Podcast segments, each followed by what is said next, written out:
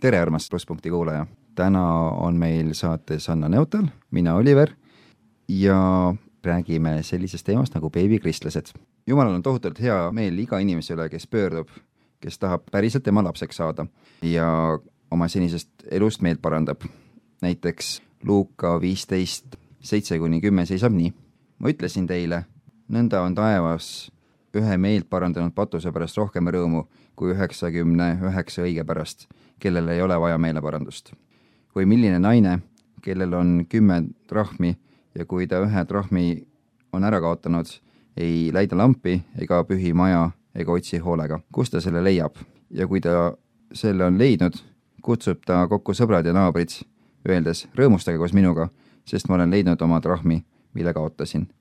nõnda ma ütlen teile, tõuseb rõõmu Jumala inglite ees ühe patuse pärast, kes meelt parandab. ehk siis taevas käib suur rõõmupidu, kui keegi saab päästetud, kui keegi võtab Jeesuse oma südamesse vastu ja kindlasti on tal väga hea meel ka meie tänase saatekülalise üle, kelle nimi on Monika Mustjagi. tere! tere, Monika! tere! tutvusta siis alguses ennast, kes sa oled, kust sa tuled, kui vana sa oled, millega tegeled? kus koguduses käid? jah väga palju küsimusi, aga ma siis alustan, ma olen Monika, kahekümne kolme aastane. käin Kiitusekabeli koguduses. Kristlaseks sain kaks aastat tagasi, palusin päästepalve hästi mitu korda. ja muidu õpin praegu ülikoolis bakalaureuseõppes sisearhitektuuri ja vabal ajal, kui mu jalad seda võimaldavad, siis tantsin ka. oo, mis stiili? hip-hopi. väga äge aga võid siis alustuseks rääkida meile oma loo, kuidas sa said kristlaseks, sa ütlesid kaks aastat tagasi mm. -hmm. See on hästi pikk ja segane lugu, aga kaks aastat tagasi umbes, ei, rohkem, läksin uude stuudiosse, mille nimi on JJ Street. Ja seal ma tutvusin ühe tüdrukuga, kes siis tuli välja, et on kristlane. ja siis mõni aeg läks mööda, kui ta enam ei käinud seal stuudios aga me suhtlesime edasi. Ja siis mingil hetkel ta hakkas mind kutsuma oma kogudusse, et 3D koguduses käis ta. ma olin alguses sihuke, et nagu milleks ja mis see üldse on ja mis mõttes, aga kuna ta käis nii väga peale sellega, siis mingil hetkel ma olin nagu, et äh, mis seal ikka, käin ära, et siis on vähemalt viisakas, et vähemalt ma käisin, ma proovisin.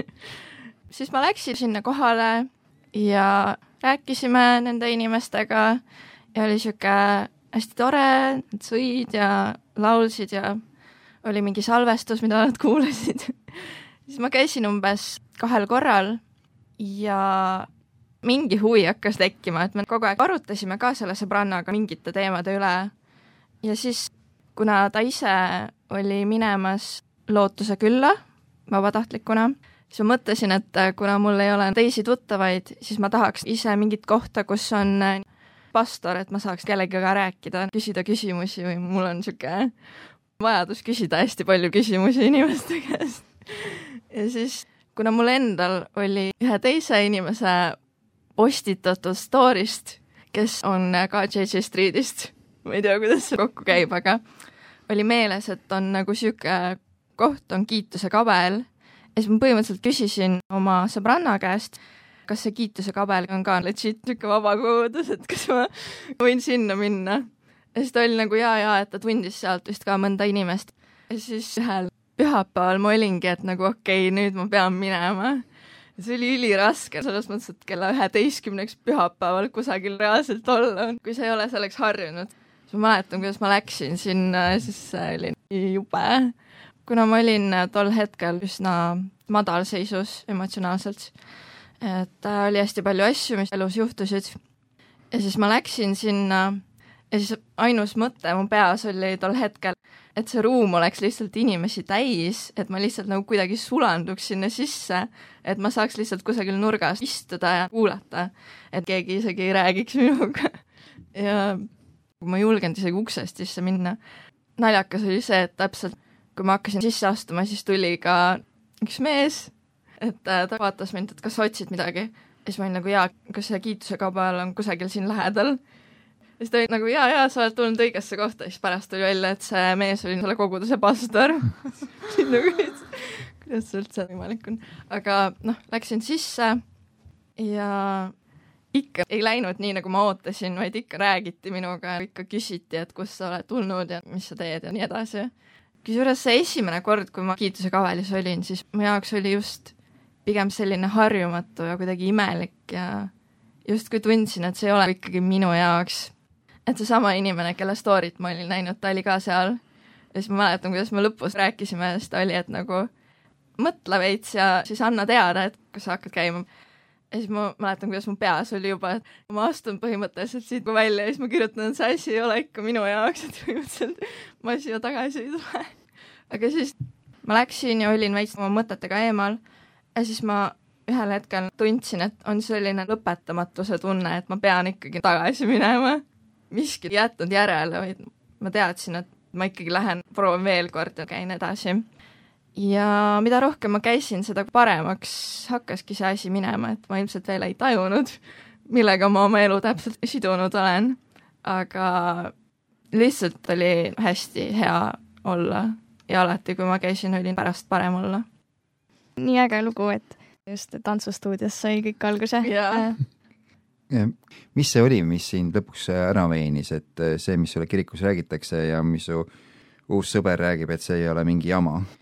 no selles mõttes, et jumalasse ma olen terve elu uskunud, et mul oli lapsena mingi paar lastepiiblit riiulis ja mind lapsena ristiti ka, et ma ei kahelnud selles, et Jumal on olemas.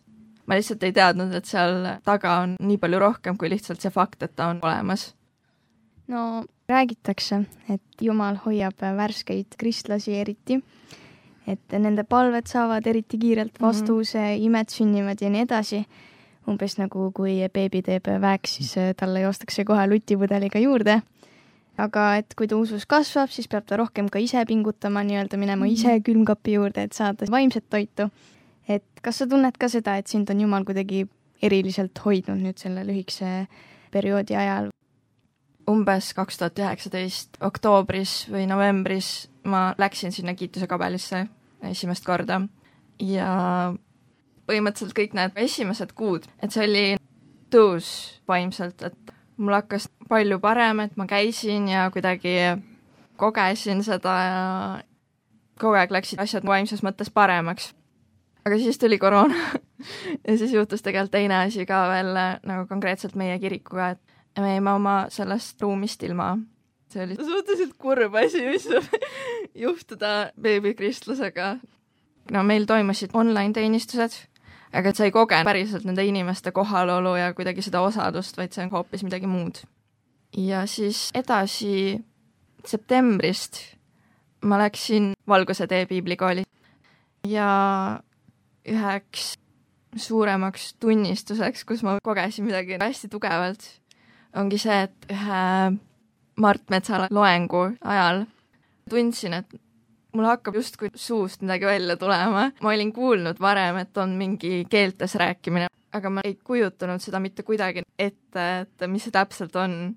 et see tundus nii kuidagi müstiline või imelik asi aga ma lihtsalt tundsin, et midagi hakkab tulema ja siis ma justkui üritasin ise ka suuga mingeid liigutusi teha, mask oli ees, safe, keegi ei arva, et mul midagi viga on ja siis äh, mäletan äh, pärast äh, loengut ma läksin otse Allani juurde, et äh, noh, küsida vaata, et mis see võiks olla. Allan Krolli juurde siis? Allan Krolli juurde jah, kes on ju piiblikooli juhataja meil. ja noh, siis ta oligi, et see on pikem teema, et pigem lepime eraldi aja kokku ja siis räägime sellest. Aga siis ma läksin koju ja kuna see asi ei lõppenud ära, siis ma siis terve aeg nagu lihtsalt kuidagi keeltest palvetasin põhimõtteliselt, ma ei teadnud täpselt, mida ma teen, mul ei olnud otseselt kellegi käest küsida, aga see lihtsalt tuli ja tuli ja tuli. ja noh, mu kodutee on umbes mingi tund aega või nii, et see piisav aeg.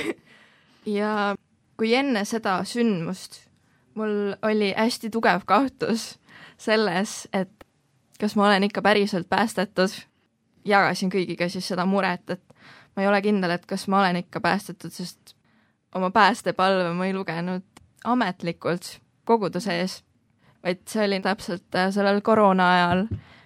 Mike Toodi, kui keegi teab, Transformation Church, et ma kuulasin neid hästi palju tol hetkel. ja nende lõpus oli see päästepalve lugemine ja siis ma lugesin seda mingi viisteist korda vähemalt mingi ja iga kord nutsin seal lõpus ka. ja siis mul tekkiski see kahtlus mingil hetkel, et kas ma olen ikka päriselt päästetud. aga pärast seda keeltes palvetamise kogemust, siis ma lihtsalt mingil hetkel tabasin ära, et kui ma küsin seda küsimust, et kas ma olen ikka päästetud, siis mu sees on lihtsalt see kindel tunnistus, et ma olen, et lihtsalt see mingi hästi soe tunne tuleb, et nagu jaa.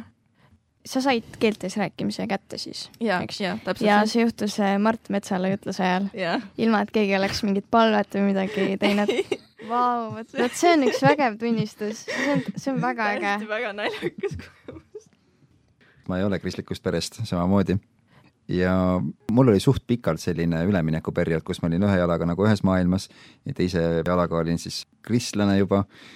ja siis ma tundsin, et ma ei kuulu nagu kumbassegi maailma. Ühest küljest tõmbasid need uued sõbrad ja kirik, teisest küljest ma käisin kuskil klubis, et hip-hopi tantsida. Kas sul oli ka selline aeg, kus sa tundsid, et sa oled ühe jalaga sees ja teisega väljas? Ja kui pikk see oli?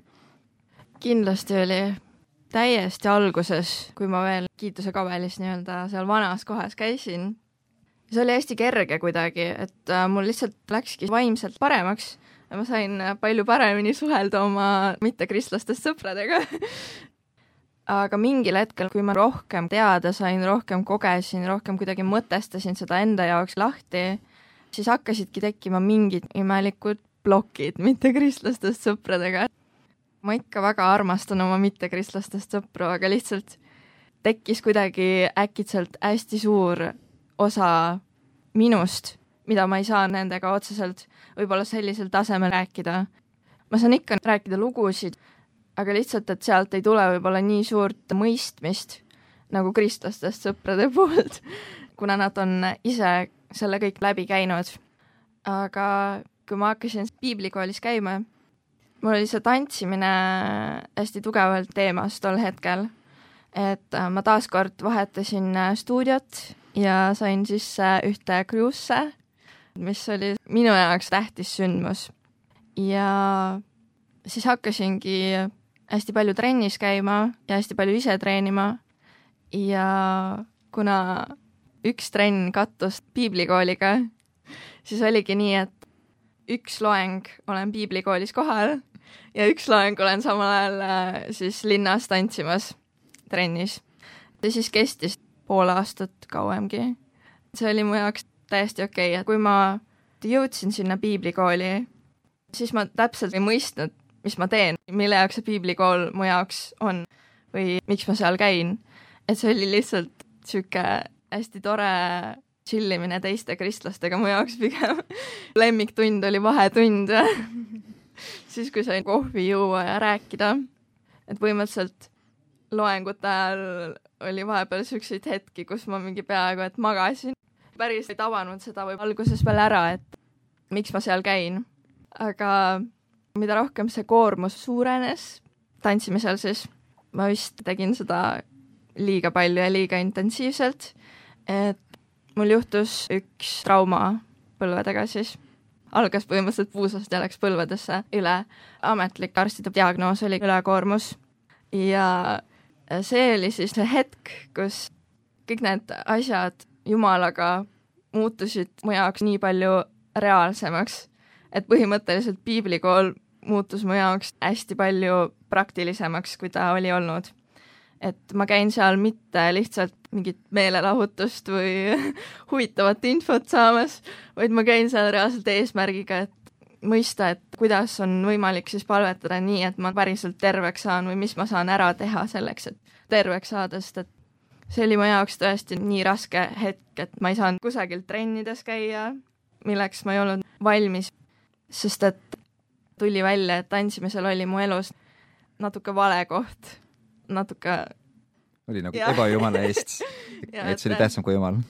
et see tuligi välja ja et see aeg läks väga palju raskemaks.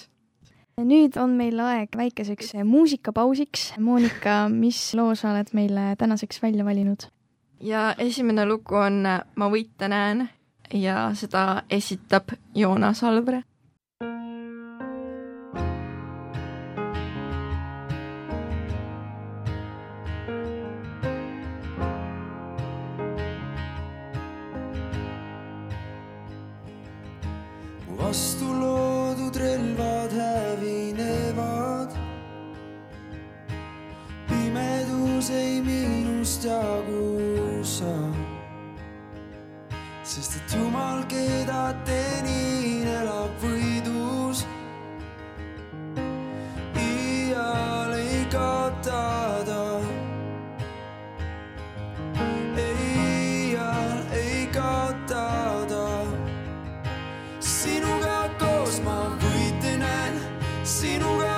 kuidas ma võite näen, sest salahingus käid minu ees.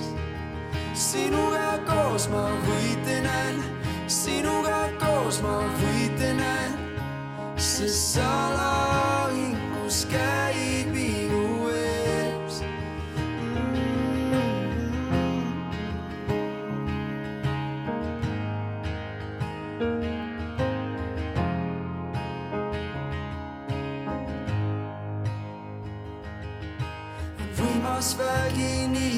Jeesus Kristus.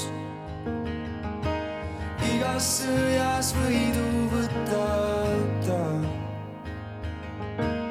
hiiglaste eest ennast ma ei peida, sest ma tean.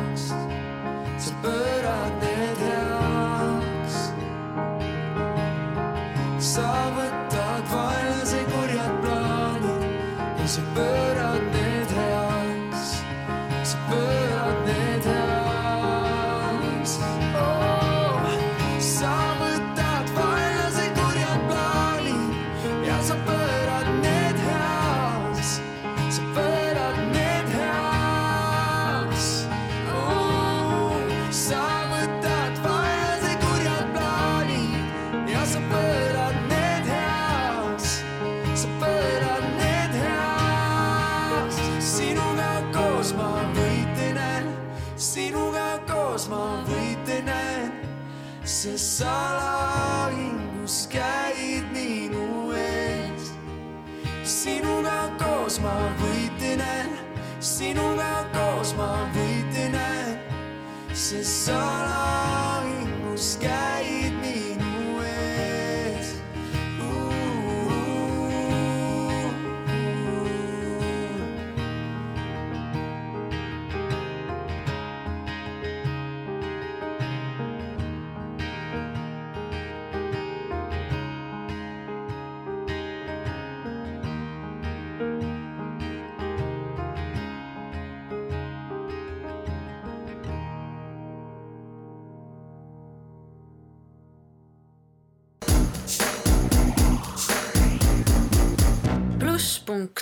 oleme tagasi plusspunkt saatega. stuudios on eh, Oliver Õunmaa, mina, Anna Neutal ja meil on täna külas Monika Mustjõgi.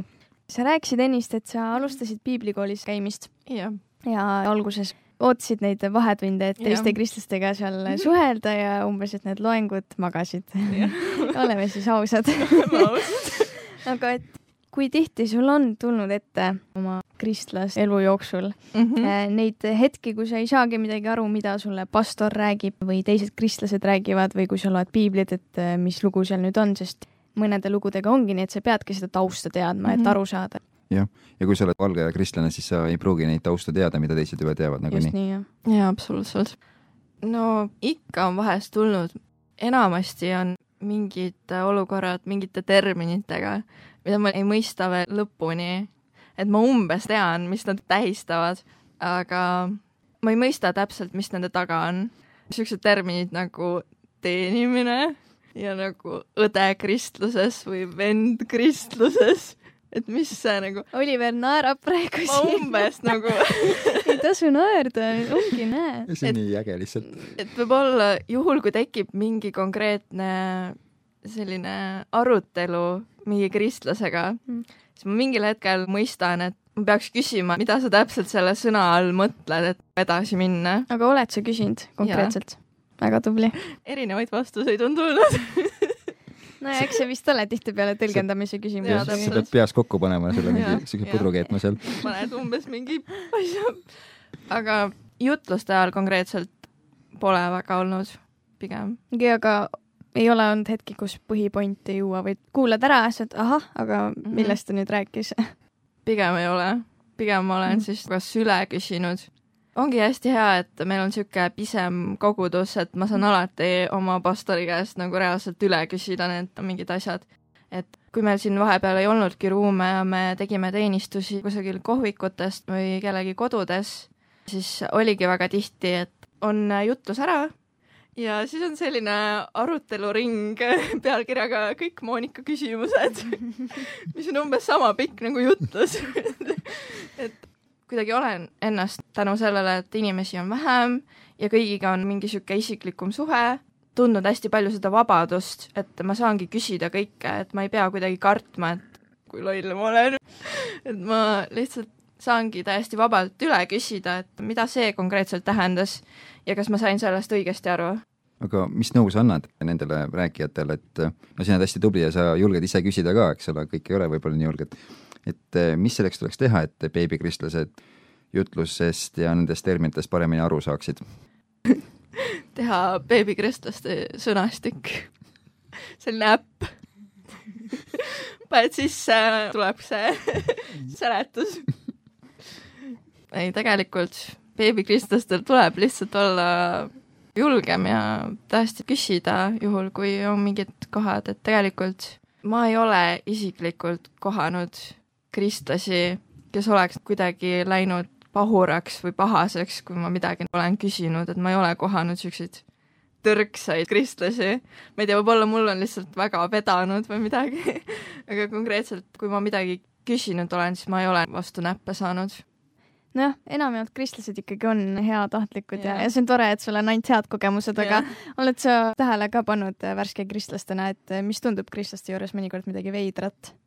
võib-olla ainus asi, mis minu jaoks oli teistmoodi, kui ma jõudsin kiituse kavelisse, oligi see, et inimesed olid hästi avatud ja kuidagi hästi huvitatud su elust, et et nad päriselt küsisid ja kuulasid huviga ja lihtsalt olid su juures.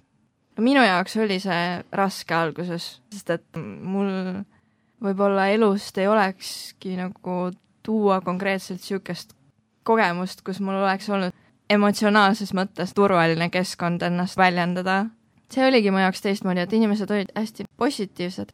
kuidagi nende juures oligi midagi, mis tõmbas ligi, et sa päriselt tahtsid lihtsalt ta juures seista ja koos temaga aega veeta. ja kui mul oligi võib-olla selline üleminekuperiood oma pidudel käimise elust, enne seda, kui ma jõudsin kirikusse, mul oli JJ Streetiga kooskõlas enesearenguperiood, kus ma lugesin enesearenguraamatuid. Ja võib-olla sellel hetkel ma tajusin rohkem niisugust asja, et mingid probleemid lihtsalt surutakse alla ja neist võib-olla ei räägita ja justkui, et me kõik oleme nüüd enesearengu teel, et me jätame kõik halvad asjad maha ja neid ei ole, lihtsalt unustame need ära, aga ilmselgelt kõik see tõuseb mingil hetkel pinnale, sest et mingit päris muutust ei toimunud.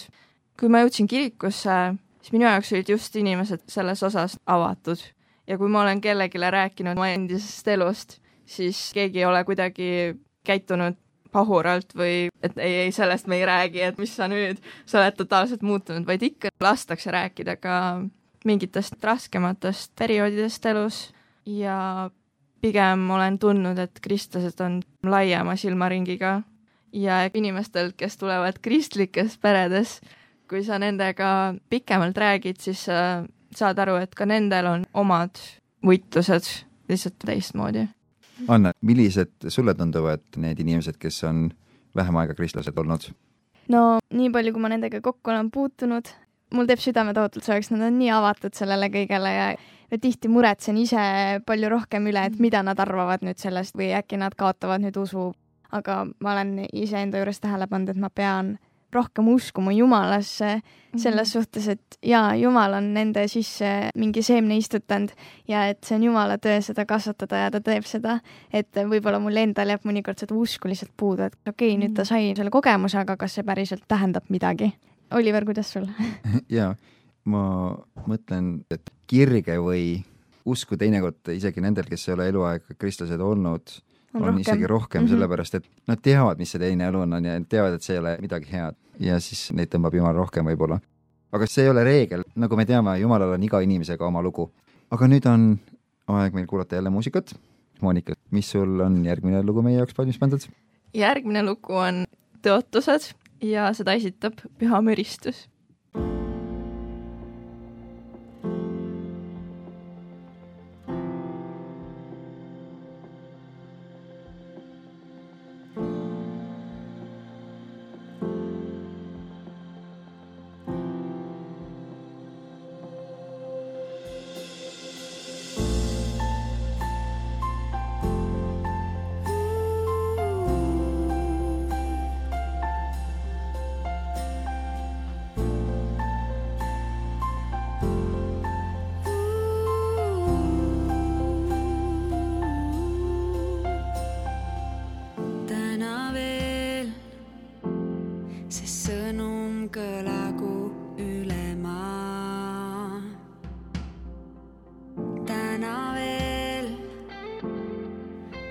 teeb ta arm vihmana.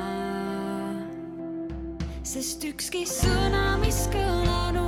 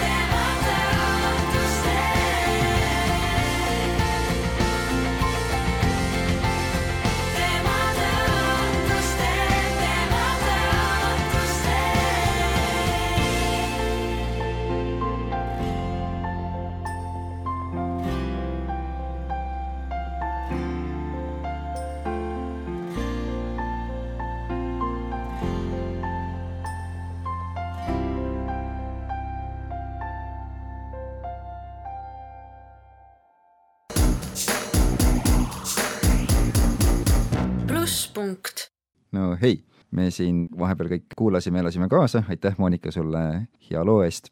aga Monika, endise mittekristlasena sul on kindlasti palju sõpru ja sugulasi, kes ei ole kristlased, et kuidas nemad selle uudise vastu võtsid, et sa nüüd oled kristlane?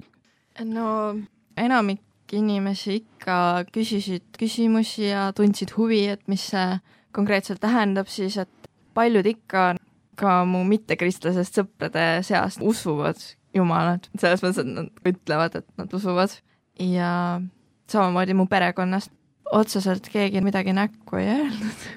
kuidas sa andsid neile teada, tegid sa suure uudist, tead, mul on öelda ja sulle kutsusid midagi. kõik ühte ruumi kokku ja siis teatasid neile nagu kriminaalromaanis. kusjuures ei teinud. Ikkagi, et äh, pigem lähedasemate suhete puhul, et jutu sees tuleb ikka välja, et ma hakkasin nüüd kirikus käima ja olen kristlane ja, kõik, kõik see, et lugesin päästepalve no mis nad ütlesid, nad mingi, aa, okei okay. või mingi, et oo. no. No. üsna enamasti suhteliselt neutraalselt, et Mm. lihtsalt mingid punktid tulid hästi tugevalt võib-olla arutellu, näiteks abielu kohta küsiti paljud minu sõprade seast pigem ei ole valmis, nad elavad vabaabielus, ei mõtle selle peale nii palju, ma ka ei mõelnud. ja teine teema on kõik need sooküsimused ja seksuaalsus. Need kaks teemat tulid kõige rohkem arutluseks minu sõprade seas, aga no ikka mingeid äh, küsimusi ka selle kohta, et mida sa nüüd lõpuks usud. ja ikka rääkisin. üks asi, mis ma tegin, oli see, et kui ma kristlaseks sain, ma kirjutasin, kuhu ma kandideerisin tööle ma pidin motivatsioonikirja kirjutama, siis ma panin absoluutselt igale poole, et ma olen kristlane. ma ise väga konkreetselt aktsepteerisin seda osa, et see olengi mina. Vau, no minu jaoks väga no, suureks julgustuseks, et sa oled nii julge, et sa julged päriselt aktsepteerida seda, kes sa oled ja teistele tunnistada. ütleme Mhm., mul on mõnikord ikka raskusi, ja mul on ka, et väga-väga äge, sa teed meile Mhm. praegu kõik ette nagu. ja see oli järgmine küsimus ka, et kui sa saad inimestega tuttavaks, kes on mittekristlased, kui palju sa julged neile rääkida, et sa oled kristlane? Pigem ikka julgen, ma ütleks mingil hetkel, mitte kohe võib-olla, et nagu tšau, ma olen kristlane. päris mitte nii, aga no näiteks praktikakohas, kus ma praegu olen ja sisearhitektuuri valdkonnas, siis seal mingil hetkel tuli see ka välja, et ma ütlesin, et ma käin näiteks piiblikoolis ja sealt edasi tuli loogiliselt see, et ma olen kristlane. aga jaa kas see on sinu iseloomust tingitud, et sa nii julge oled? mul on lihtsalt niisugune tunne, et see on miski huvitavat minu puhul. miks mitte jagada midagi, mis on reaalselt huvitav sinu kohta, et see on huvitav viis niimoodi nii mõelda. äge, jah, mitte lihtsalt ilmast rääkida. sa inspireerid mind nii palju praegu. tahtsin küsida, et kas sa oled nüüd olles kristlane tundnud mm. -hmm. enda puhul muutusi, kas su sõbrad on mingeid muutusi sinu juures tähele pannud? ma arvan, et ikka hoiakute puhul on kindlasti muutusi. ja noh, kõik see protsess, mis on äh, selle jalatraumaga siis nüüd aasta aega kestnud või veits kauem, et ma ei saa sellest mainimata jätta, sest et see on reaalselt see koht, kust hakkasid kõige suuremad muutused tulema, sest et ma reaalselt olin huvitatud sellest, ma hakkasin piiblit lugema regulaarselt, ma hakkasin jutlusi kuulama, palvetama päriselt ja mitte ainult a la enne trenni, et äh, jumal, palun anna mulle hea trenn, et ma nüüd areneks hästi kiiresti. palvetama teiste inimeste eest ja mingid siuksed muutused. ja kindlasti olen hästi palju kuidagi endas rohkem selgusele jõudnud läbi selle, et mingid uued tegemised on ellu tulnud mingite hobide või väljundite näol. et inimesed otseselt pole niimoodi öelnud, et ma oleks kuidagi muutunud, aga ise ma tajun küll, et ma olen mingites küsimustes võib-olla rahulikum, ma olen inimeste käest vabandust palunud. no kui ma ärritun ja teen midagi, siis ma pärast seda palun vabandust, sest ma tunnen, et ma pean seda tegema. ma ei saa seda tegemata jätta ja kindlasti avatum ka, julgem. siit tuleb ka järgmine küsimus, et kui sa nüüd meenutad seda elu, mida sa enne elasid Jah. ja võrdled seda selle eluga, mis sa praegu elad, et miks tasub kristlane olla? Ma arvan sellepärast, et tulebki ellu päris muutus. et sul ei ole lihtsalt võib-olla mingid asjad, mida sa pead tegema, vaid sa päriselt hakkad tahtma neid teha ja sa päriselt hakkad tahtma muutuda. ütleme nii, et sa ju ei kahetse, et sa said ei, kristlaseks. absoluutselt. see on paradoksaalne ja väga palju traagilist on ka selles mõttes ilmselgelt juhtunud. ja ma pakun, et kui ma oleks sellise asja ajal mitte kristlane olnud, siis ma oleks seda nii palju raskemalt läbi elanud kui sa võid äh, rääkida, millest on Jumal sind läbi kandnud?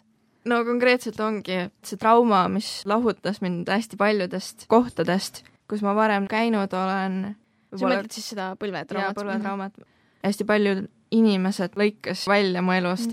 ma ei näe oma trennikaaslasi enam iga nädal nagu nii palju kordi, kui ma olen seda teinud. ma ei saa käia sotsiaalsetel üritustel, kus ma olen harjunud käima ja et see tingis mu ellu siis hästi palju muutusi. hästi paljud asjad hakkasid välja tulema. kui sa oled mittekristlane, siis nagu minu puhul vähemalt äh, olid hästi paljud raskused emotsionaalsel tasandil, nad olid kuidagi hästi kaetud. Nad olid hästi peidetud sügavale. ja kui ma sain kristlaseks, siis nad hakkasid kuidagi nagu purskkaevust välja tulema. no ilmselgelt süda hakkab pehmenema kogu selle protsessi vältel ja kui ma varem olen harjunud neid emotsioone tantsimisega vaigistama, ma ei tea, miks, aga see toimib ideaalselt, et sul on ja mingid tunded, sa tunned millegipärast valu, et on mingid äh, katkised suhted või mingid siuksed asjad, aga sa tantsid ja see toimib nagu mingi ravim. aga see oligi see koht, kus ma tajusin kindlalt, et tantsimine on hea, aga see ei ole õige koht tantsimise jaoks. et kõik need tunded, mis sul on või mingid emotsioonid või mingid raskused, tuleb ikka Jumala ette viia või tõesti lasta kellelgi selle eest palvetada või ise palvetada. sel hetkel hakkaski muutus toimuma, et mul oli hästi palju raskusi, aga ma ei saanud kasutada oma harilikku meetodit, vaid ma pidin hakkama reaalselt palvetama, pidin hakkama reaalselt Jumalat tervest südamest otsima. et see ei olnud enam sihuke, et kogu mu tavaline elu ja siis natuke Jumalat umbes maitsestamiseks, vaid et kõik, mis mul on, oli mingil hetkel Jumal ja midagi muud ei ole. et on lihtsalt mingid segadused suhetes lähedaste inimestega, mingid raskused, siis on lõpetamata kool ja hästi palju segadust elus ja siis on Jumal ainus tugi.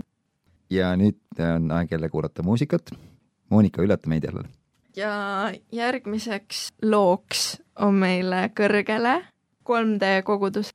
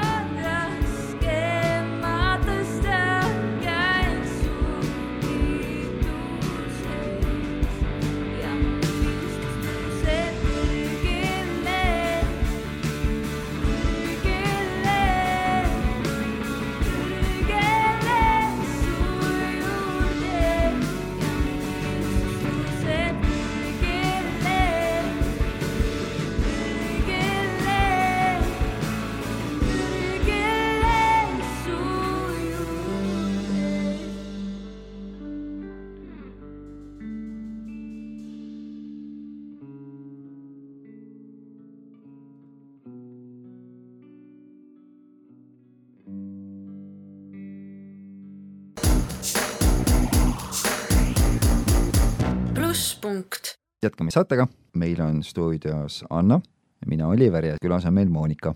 kui mina ise sain kristlaseks, kui ma ise olin beebikristlane, siis ma eriti ei tundnud kedagi kristlastest, kõik olid võõrad, läksin kuhugi suurele üritusele, näiteks piiblipäevadele ja siis see kõigil oli sallides sõpru, ma tundsin ennast nii kohmetuna, et võib-olla see inimene, kes mind sinna kutsus, seda ma tundsin. aga kuidas sinul selle asjaga oli? no ikka mingeid olukordi tekkinud, kus ma olen olnud pigem selline üksik siis. no alguses ilmselt aitas see, et mul oli juba keegi, kellega rääkida. pluss teised tundusid ka huvitatud. kristlaste puhul vahel on hästi kerge, sest et kõik tunduvad huvitatud sinust ja siis sa lihtsalt räägid seal. ma ei saa öelda, et see väga suureks probleemiks on olnud. pigem kuidagi ma olen ikkagi leidnud kellegi, kellega rääkida kuidagi rääkimise koha pealt mul on ka üks imelik asi enda puhul, et millegipärast mul on hästi palju kergem suhelda inimestega, keda ma võib-olla nii palju lähedasemalt veel ei tunne. et mingil põhjusel mul tekivad suhtlemisel raskused alles siis, kui see suhe mu jaoks päriselt väga tähtis on. et siis tekivad mul mingid plokid. aga me teame, et Jumal kutsub inimesi pidevalt enda juurde. tema vastupidiselt meile on pika meelega ja ei kaota lootust. Tema juures saab päriselt jätta oma endise elu ja kõik muu, mis meid rõhub ja Matteuse evangeeliumis üksteist kakskümmend kaheksa Jeesus on öelnud, tulge minu juurde kõik, kes te olete vaevatud ja koormatud ja mina annan teile hingamise. piiblit lugedes oleme saanud teada, et Jeesus veetis päris palju aega koos patustega just lootes, et nad pöörduvad kord ja hakkavad ka uskuma ja teda järgima. ja ta õpetas neid ja tervendas neid. Monika, mis sa arvad, milline võiks olla sinu viis, kuidas teisi Jumala juurde kutsuda? see võib olla ka äkki samamoodi läbi sinu hobi. tantsis, hip-hop, see võib olla läbi hobi, aga ma arvan, et kõige olulisem ongi jääda kui- siiraks sellele, mida sa usud. et kui sa räägidki inimestega, räägid mittekristlastega, siis öelda tõesti ausalt, mida sa usud ja kuidas sa vaatad neid asju Jumala perspektiivilt, et kuidas sa tegeled võib-olla mingite probleemidega elus ja mingite inimestega ja mis on su hoiakud teatud olukordades. kui need asjad, mis sa välja ütled, on päriselt siirad, siis see puudutab teist inimest. ja, ja sa enne mainisid ka, et sa palvetad teiste eest, nii et ma usun, et see on Mhm. juba ka väga suur osa sellest. aga nüüd hakkab meie saade läbi saama ja on kokkuvõtte aeg, et mida sa ütled, et milline see algaja kristlase elu on? Sa kasvad ja Jumal, tal on see võime leida iga inimese jaoks just see õige viis teda kasvatada. kui sa lihtsalt hoiad kinni sellest, et tõesti siiralt otsid Jumalat, siis ta võtab need asjad enda kätte ja tõesti, sa ei pea muretsema selle pärast, et kas ma kasvan või ma ei kasva, vaid et ta teeb tõesti seda tööd ja ta leiab sulle just need õiged inimesed ja just need õiged olukorrad, läbi mille sa saadki kõige paremini kasvada. Mida sa soovitad teistele beebikristlastele? oluline on selline reaalne kontakt teiste kristlastega ja reaalselt, et sa arutad mingeid enda läbielamisi, enda probleeme teiste kristlastega, sest et äh, need on ikkagi inimesed, kellel on sees sama vaim, mis sul. Ja ka nende vaimul on kontakt Jumalaga. Ja nad võivad tõesti saada ka tunnetusi, nad võivad kuidagi ka saada juhatust, nad võivad jagada oma kogemust Jumalaga. sa ei kujuta ette, mis hetkel see võib sind aidata, et see tee on tõesti raskem, kui see tundub. sul võib tunduda, et sul on korras, aga tegelikult on juba mingist kohast sisenenud mingi asi, mis kuidagi võib eksitada või kuidagi võib eemale juhtida. mingil hetkel näiteks ma nägin igal pool korduvaid numbreid ja ma arvasin, et äkki Jumal juhib mind selle kaudu.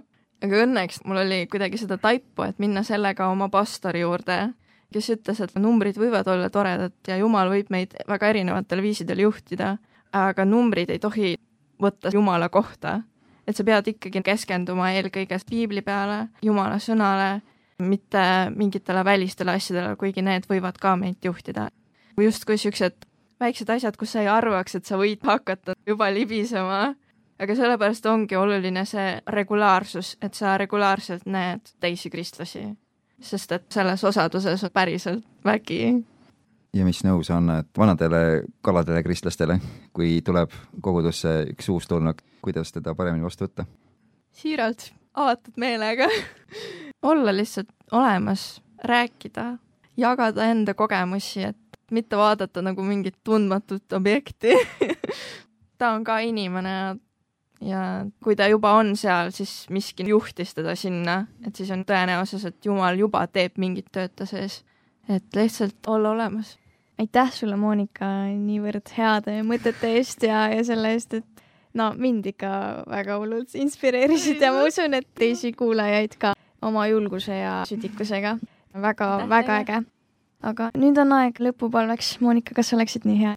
Käise taevas, me täname sind selle aja eest ja me täname sind tõesti kõige selle eest, kuidas sa oled meid tänase koosoleku ajal juhtinud ja kuidas sa oled toonud pinnale just neid õigeid asju, millest kõneleda ja rääkida. me palume, et kõik see, mis sai jagatud, et see võiks tõesti jõuda just nende õigete inimesteni, kes vajavad võib-olla seda infot, kes vajavad julgustust ja et see võiks tõesti teha tööd nende südametes ja istutada neid häid seemneid, millest tulevad head viljad käis taevas. ja ma tõesti tänan sind kõige selle rahu eest ja selle eest, et sa tõesti tegid tööd meie sees ka läbi selle, mis siin täna toimus. Jeesuse nimel, amen. amen. amen. nüüd on aeg lõpulaulu jaoks, mis Jah. sa oled meile välja valinud.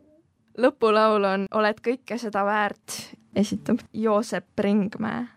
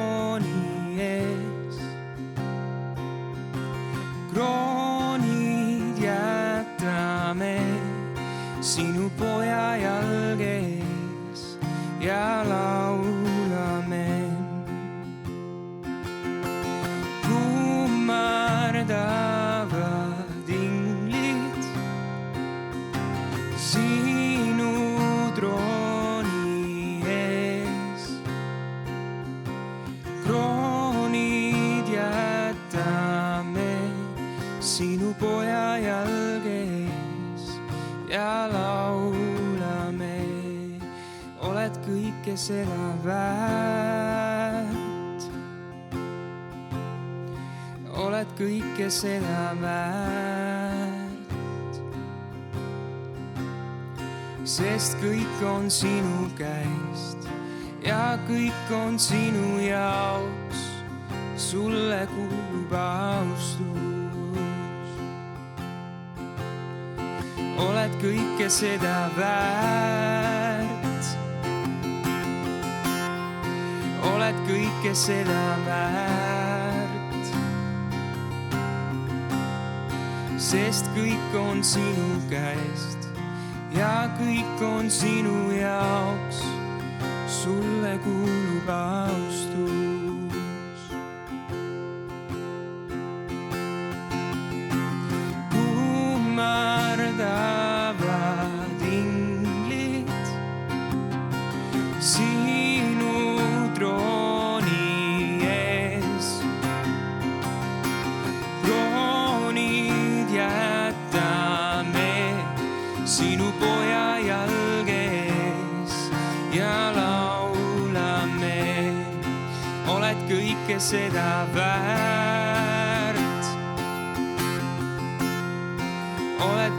Kõike seda väärt sest kõik on sinu käest ja kõik on sinu jaoks. sulle kuulub austus.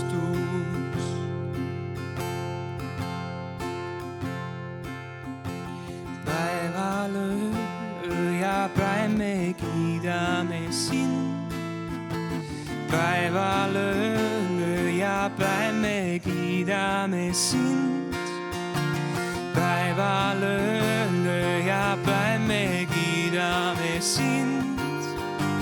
päeval öö ja päev me kiidame sind. päeval öö ja päev me kiidame sind. päeval öö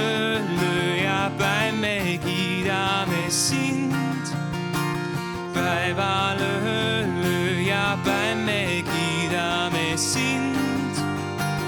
päeval öö ja päev oled kõike seda väärt. oled kõike seda väärt. sest kõik on sinu käest ja kõik on sinu jaoks. Sulle kuulub austus. oled kõike seda väärt. oled kõike seda väärt.